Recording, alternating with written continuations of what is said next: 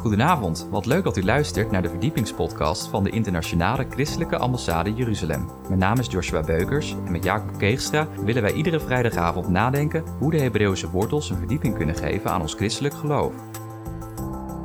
In deze aflevering gaan we het hebben over Purim, het verhaal van Esther. Wij wensen u veel luisterplezier.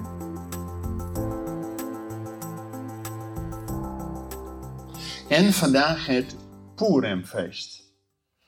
Purim betekent ook, Pur betekent ook het lot. Het lot werd geworpen over de Joden welke dag dat Haman probeerde om Israël volledig te vernietigen. Nou, we hebben net dat lied gezongen. Ik hef mijn ogen op naar de bergen, van waar zal mijn hulp komen? Nou, juist bij zo'n, ja, achteraf is natuurlijk happy end, hè? Het Bijbelboek Esther is één, ja, geweldig eind. Maar tijdens de rit wist zij het ook niet hoe het allemaal ging. Daar gaan we het over hebben. En ik wil beginnen met een tekst, notabene uit Numeri.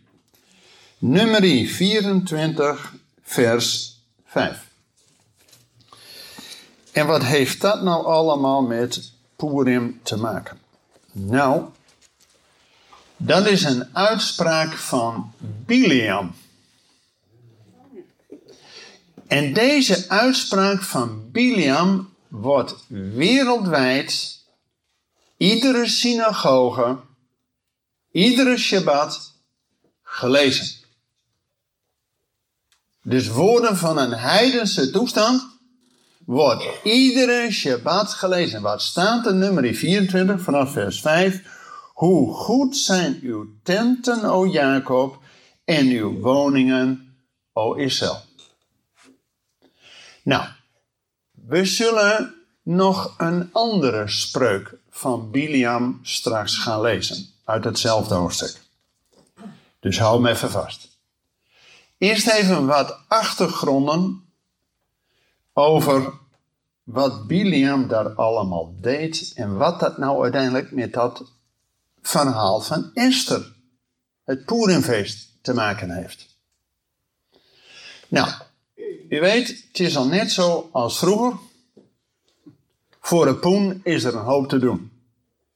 Dus die Biliam, die wou best even een vervloekingje doen voor een paar centen. Ja? Jongens, onze ethiek, ons geweten is zo rekbaar als onze centen, hè? Kijk naar de Tweede Wereldoorlog. Hitler en de zijnen die loofden 10 gulden uit voor iedere Jood die we gingen aangeven. En er waren heel wat Nederlanders die deden driftig mee. Dus hoe rekbaar is onze ethiek? Voor de poen is er een hoop te doen. Nou, mensen, moet je nagaan. Die Biliam had een autoriteit. Hè? Er staat notabene in de Bijbel. Wie gij zegent, zal gezegend zijn. Wauw. Maar als God tegen Biliam zegt: Jij zult niet vervloeken wat ik gezegend heb en je zult Israël alleen maar zegenen, dan kan zelfs iemand met die autoriteit als Biliam niks anders doen dan tot vier keer toe een zegenspreuk over Israël.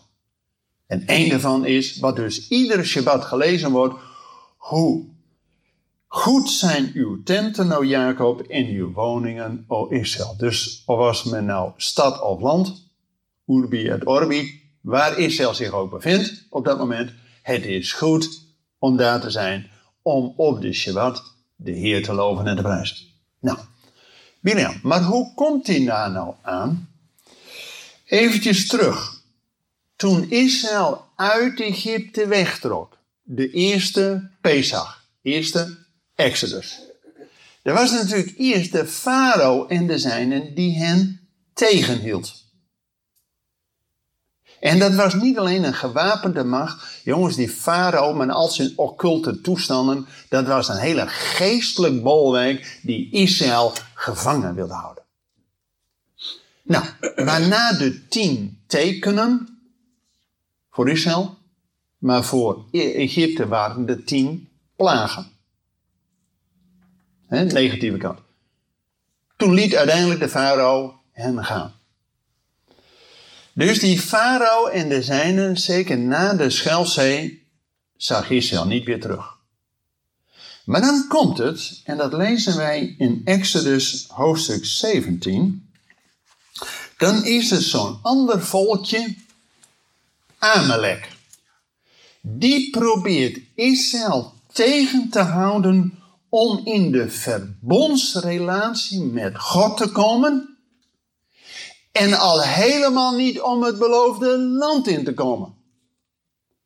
Dat volkje Amalek was vooral tegen. En die streed op een hele sluwe, sneaky manier. Was niet een beetje van man tegen man, zodat je elkaar hè, kunt wapenen. Nee, die ging via de achterdeur en via de achterhoede, hè, wat zwak was, ging die aanvallen. Ziet u ook het beeld van de tegenstander? Dat die valt vaak via de zwakke kant aan. Waar je niet op voorbereidt. De voorfront had het gewapende mannen, die konden tegen een stootje. Maar de vijand probeert sneaky via de backdoor binnen te dringen. En dit staat in Exodus 17. En dan lezen we helemaal op het eind, vers 15 en 16. Als uiteindelijk Israël Amalek, en Amalek, daar zit ook die naam Melek, koning in. Als uiteindelijk Israël Amalek overwonnen heeft, dan staat er in vers, Exodus 17, vers 15. En Mozes bouwde een altaar en gaf het de naam. De Heer is mijn banier. Wauw. Dus na de overwinning met Amalek wordt er een banier opgericht. De Heer is mijn banier. En in het leger, in de strijd, banier betekent, waar krijg je marsorders vandaan? Dat is het centrum van de coördinatie. Dus God is onze centrum van waaruit wij onze aanwijzing krijgen. En dan het volgende vers. En hij zei, voorzeker de hand op de troon van de Heer. Mensen, dat is gebed. Door gebed mogen wij bij de troon van God, en wij hoeven maar een half woord te pregelen, gaat Jezus het volmaakte gebed bij de troon van de Vader. Jezus is onze vooruitgeschoven post bij de troon van de Vader. Betekent ook dat wij met vrijmoedigheid tot die troon van genade kunnen komen en het gebed kunnen neerleggen. Nou, dat gaan we straks ook doen. Deze lezing is alleen maar voorbereiding, allemaal inleiding. Nou, ons gebed is om uiteindelijk bij de troon van God zaken te doen. Ja? En dan komt hij. De strijd van de Heer zal tegen Amalek zijn van generatie op generatie. En andere vertaling staat daar eeuwigdurend. Of een gezag. Met andere woorden, dat was dus niet een eenmalig even een tegenstander. Het is een geestelijk bolwerk wat maar één ding wil, Israël van de kaart vegen. En dan gaan we terug naar nummer 24, waar we al die ene zegenspreuk van Biliam hebben gehad. Nu de volgende. En staat nummer 24, vers 20. Nummer 24, vers 20. Toen Biliam Amalek zag, hief hij een spreuk aan en zei: Amalek is de voornaamste van de heidenvolken, maar zijn einde is dat hij ten onder gaat. Je eens nagaan, dit is een profetisch woord, hè? Dat Amalek wil en is het hoofd der volkeren. Maar zijn einde zal ondergang zijn. En nou wat God daar tegenover stelt. En dat lezen we in Deuteronomium 28. Deuteronomium 28, dat is dat vlak voordat Israël het beloofde land ingaat, dat God nog één keer voor die volgende generatie, dus niet de generatie van de uittocht, van die stierf in de woestijn, maar de generatie van de intocht. En God wil niet dat je het geloof van horen zeggen hebt, maar dat je het zelf gehoord hebt. Dus God doet bij monden van Mozes, vlak voor de intocht, met die nieuwe generatie, dat ze het zelf gehoord hebben, wat de bedoeling is, de roeping van God op dat volk Israël. En dan lezen we tot twee keer toe in Deuteronomium 28. Ik lees hier vers 13. De Heer, met vijf hoofdletters, hè? dus over wie hebben we het? Jawel, hè? Dus niet zomaar een of ander God, we hebben ook God hemzelf. Hè? De Heer zal u tot een hoofd maken en niet tot een staart. En u zult uitsluitend omhoog gaan en niet omlaag, als u gehoorzaam bent aan de geboden van de Heere God, waarvan ik u heden gebied dat u ze in acht neemt en houdt. Met andere woorden, God heeft Israël uit Egypte geroepen en hen tot een koninkrijk van priesters gemaakt, zijn persoonlijk eigendom, om wat te doen? De zegen van Abraham door te brengen naar alle volken. Dat was de roeping. En nu, vlak voor de intocht in het beloofde land, noemt God dat weer. Ik zal jullie Israël stellen tot een hoofd der volkeren. Zodat vanuit het hoofd, van God zegent het hoofd, zodat de rest gezegend wordt. Maar dan zie je direct de strijd tussen Amalek, die het hoofd der volkeren is en wil zijn, en wat God daar plaatst als hoofd der volkeren. Maar er staat ook direct, u zult zijn tot een hoofd der volkeren en niet tot een staart. Nou, door de hele kerkgeschiedenis hebben wij er redelijk toe bijgedragen dat Israël tot een voetveeg is geworden. Maar we krijgen een nieuwe kans. Gaan we Israël zegenen of niet? En in dat kader staat ook het verhaal van Esther. Want, eventjes terug in Deuteronomium 25, daar staat, het laatste vers, Deuteronomium 25, vers 19. Als de Heer uw God u rust gegeven heeft van al uw vijanden van de rondom, in het land dat de Heer uw God u als erfelijk bezit geeft, om het in bezit te nemen, moet het zo zijn dat u de gedachtenis aan Amalek van onder de hemel uitwist. Vergeet het niet. Dus God geeft al aan dat een continue strijd is door alle geslachten heen van Amalek tegen Israël. En als Israël dan uiteindelijk toch in het beloofde land is, dan wilden ze niet dat God nog de koning over hen is. Nee, ze zeggen, we willen net zo zijn als die andere volkeren. Wij willen ook een koning. Nou, Samuel zei, je niet doen. Hoop ellende. Maar op een gegeven moment zegt God, stil maar.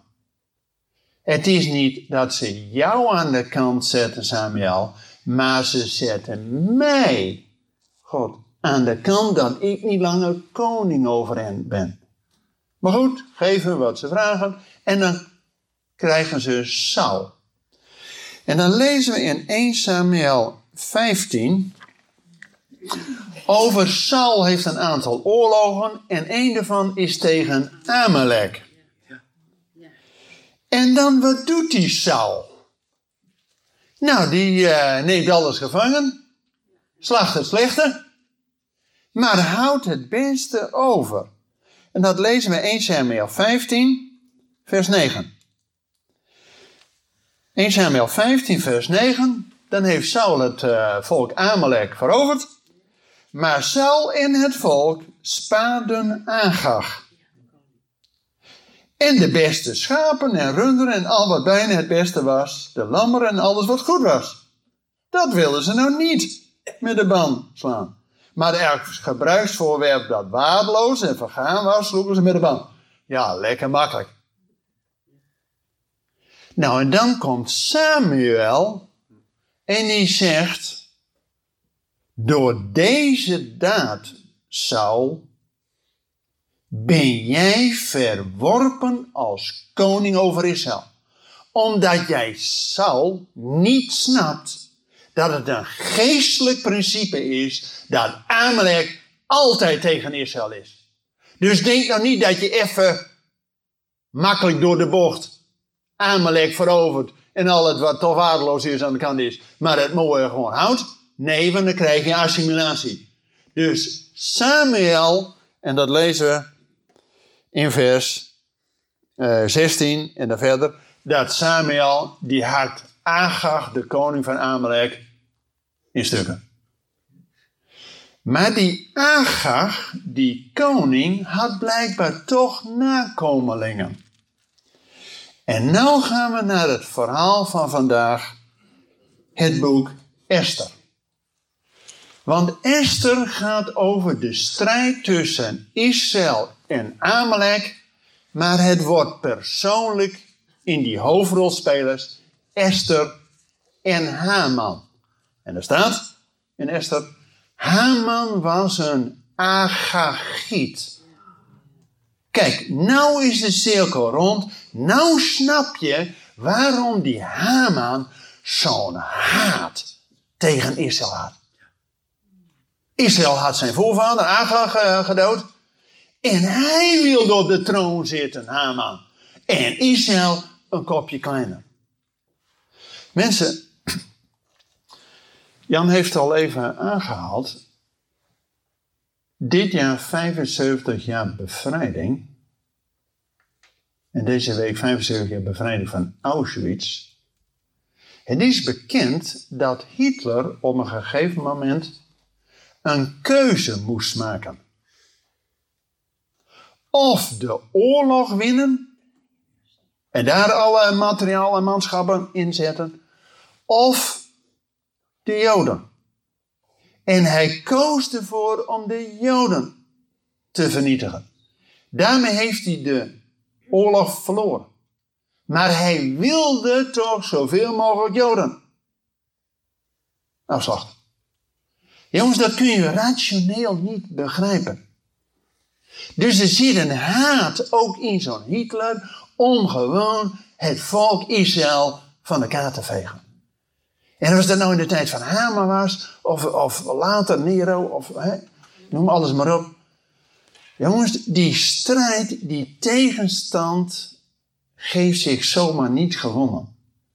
Ook op het tempelplein, waar staat hè, op die koepel daar, God heeft geen zoon. Nou jongens, als God geen zoon heeft, heeft hij dus ook geen verlosser, zijn wij nog gewoon in de zonde. Nou, leuk dat je bent, maar je kunt beter naar de koffie gaan. Want er is er geen hoop.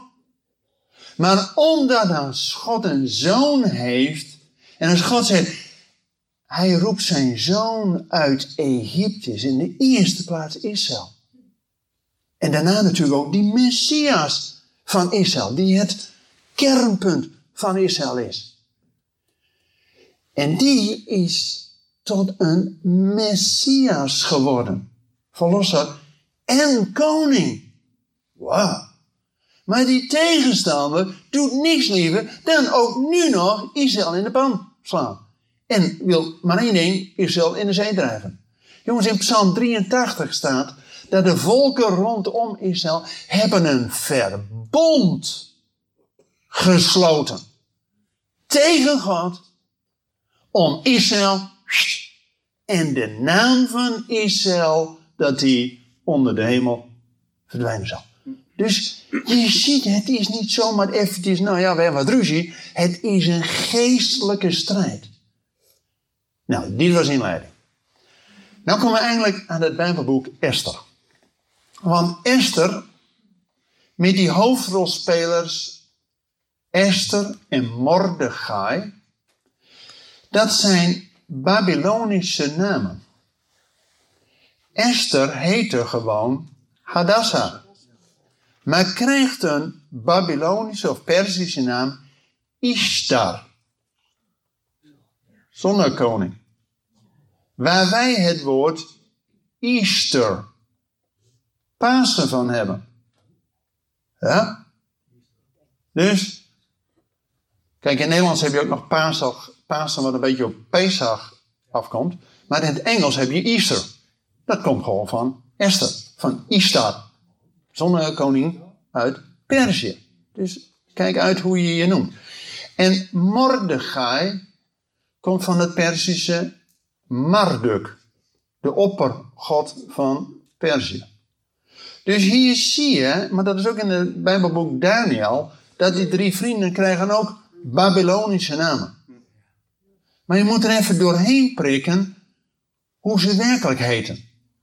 Nou, en ook eigenlijk, je moet er doorheen prikken dat die Haman die probeert zijn baas, de koning Ahasveros, natuurlijk te vleien en zegt, nou, er is hier een volkje die niet doet wat u graag wil en uh, nou, die moet aan de kant. Nou, die koning is zeer gevleid en denkt, ja, nou, een goede vindt die Haman, hè, die minister-president.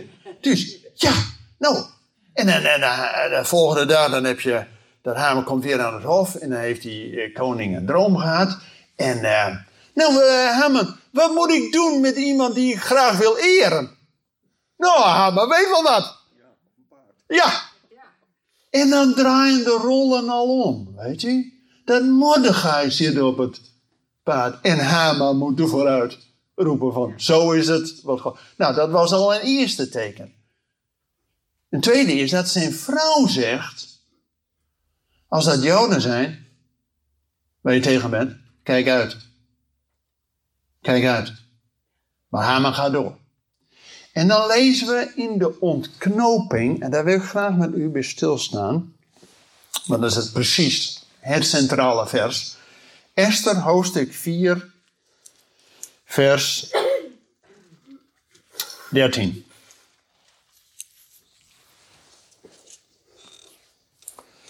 Esther, hoofdstuk 4, vers 13. En wat lezen we daar? Dan komt het natuurlijk op.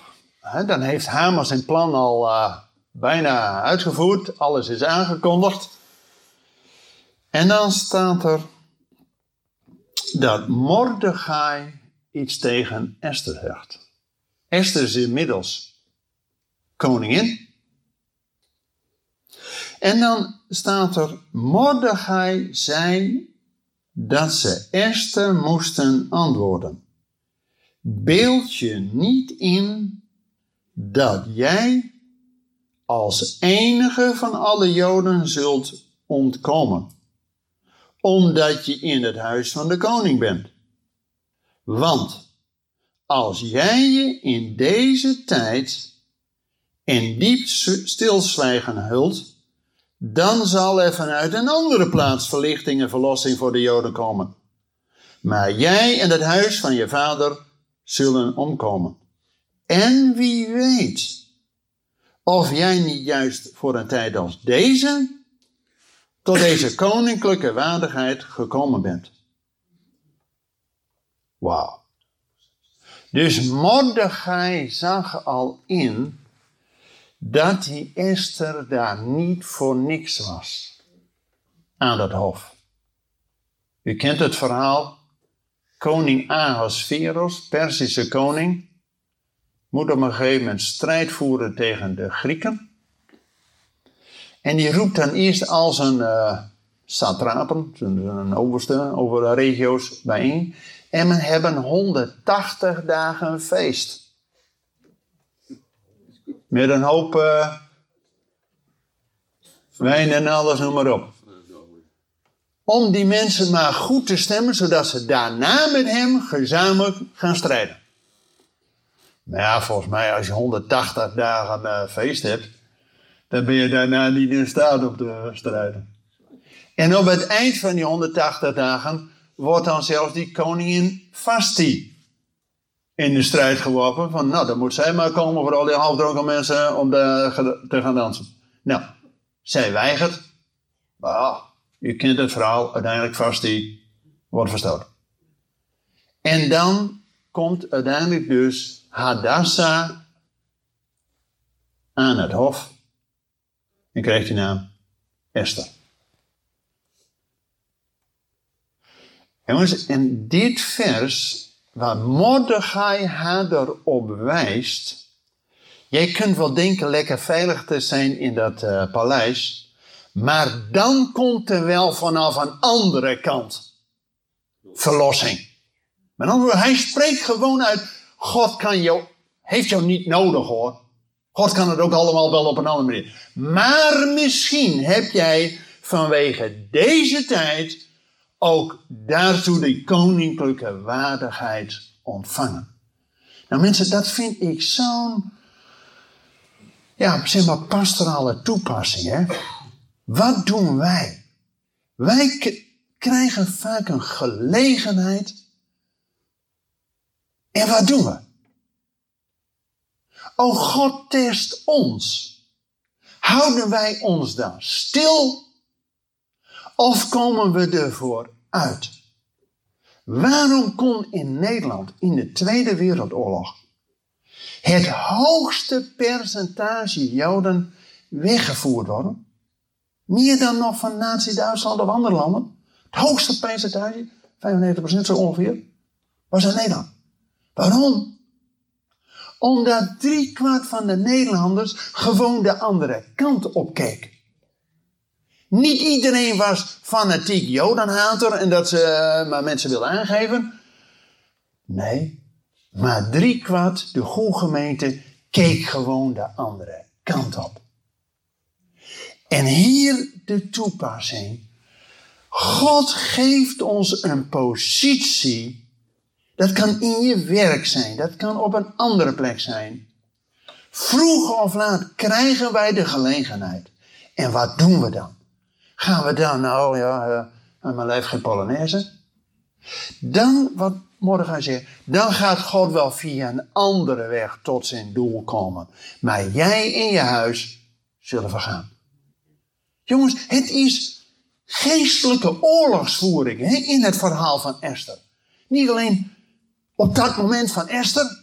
Want dan denk je, nou ja, wat hebben wij daar nou aan? Maar dit is een feestrol geworden die ieder jaar met Purimfeest, waarin het lot geworpen wordt om Israël te vernietigen. En wat gaat de goede gemeente doen? En God keert het om Juist ook wanneer Esther in haar positie haar rol neemt.